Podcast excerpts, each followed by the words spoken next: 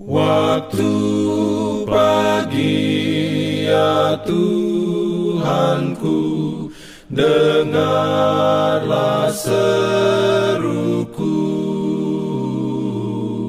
Melayang doa yang sungguh Memandang padamu. Selamat pagi pendengar Radio Advent Suara Pengharapan Mari mendengarkan suara Tuhan melalui tulisan pena inspirasi Yesus, nama di atas segala nama. Renungan harian 6 Februari 2024 dengan judul Teladan yang tidak bercacat.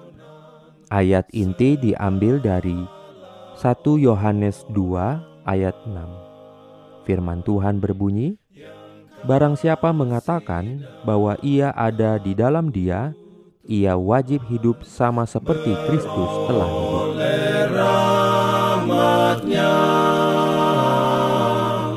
Diberikannya perlindungan dalam pimpinannya. Urayanya sebagai berikut. Saat ini haruslah terjadi kebangunan terhadap kesaksian yang kaku.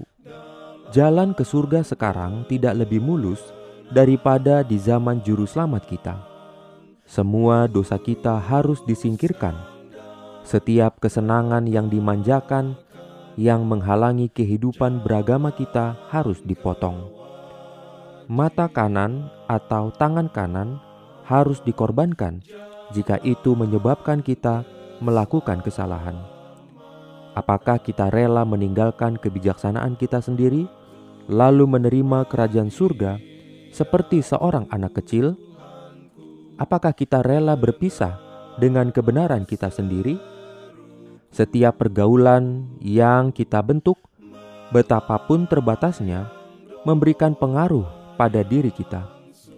Sejauh mana kita menyerah pada pengaruh itu, akan ditentukan oleh tingkat keintiman, keteguhan pergaulan, dan kasih serta penghormatan kita kepada orang yang bergaul dengan kita.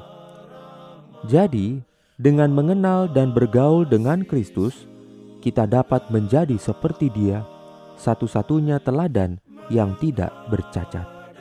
Persekutuan dengan Kristus sungguh tak terkatakan betapa berharganya. Persekutuan tersebut adalah hak istimewa kita untuk menikmatinya jika kita mau mencarinya, jika kita mau berkorban untuk mengamankannya. Ketika para murid mula-mula mendengar perkataan Kristus, mereka merasakan kebutuhan mereka akan Dia. Mereka mencari, mereka menemukan, mereka mengikuti Dia. Mereka bersamanya di rumah, di meja, di ruangan, di ladang. Mereka bersamanya sebagaimana murid dengan seorang guru, setiap hari menerima dari ucapannya pelajaran tentang kebenaran suci.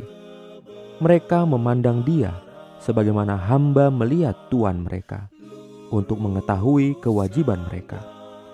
Mereka melayani dia dengan riang, dengan senang hati. Mereka mengikuti dia seperti para prajurit mengikuti komandan mereka, berjuang dalam pertandingan iman yang baik. Barang siapa mengatakan bahwa ia ada di dalam dia, ia wajib hidup sama seperti Kristus telah hidup. Tetapi jika orang tidak memiliki roh Kristus, ia bukan milik Kristus. Keserupaan dengan Yesus ini tidak akan luput dari perhatian dunia.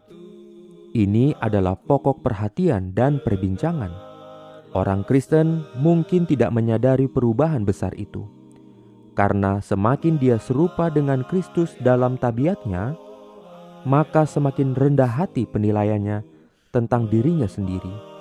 Tetapi itu akan terlihat dan dirasakan oleh semua orang di sekitarnya. Mereka yang memiliki pengalaman terdalam tentang hal-hal tentang Allah adalah yang paling jauh dari kesombongan atau meninggikan diri. Mereka adalah orang yang paling rendah hati dalam menilai diri sendiri. Mereka adalah orang yang paling memiliki gambaran yang paling agung tentang kemuliaan dan keunggulan Kristus.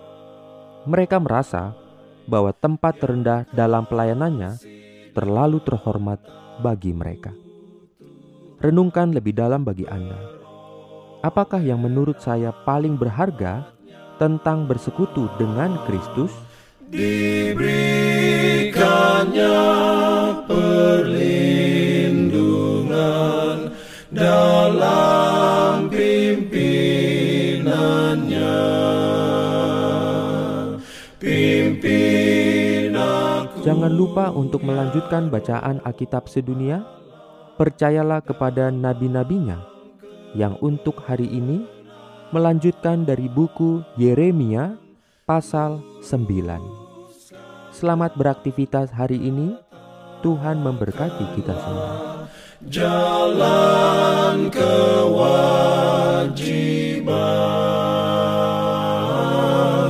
Jalan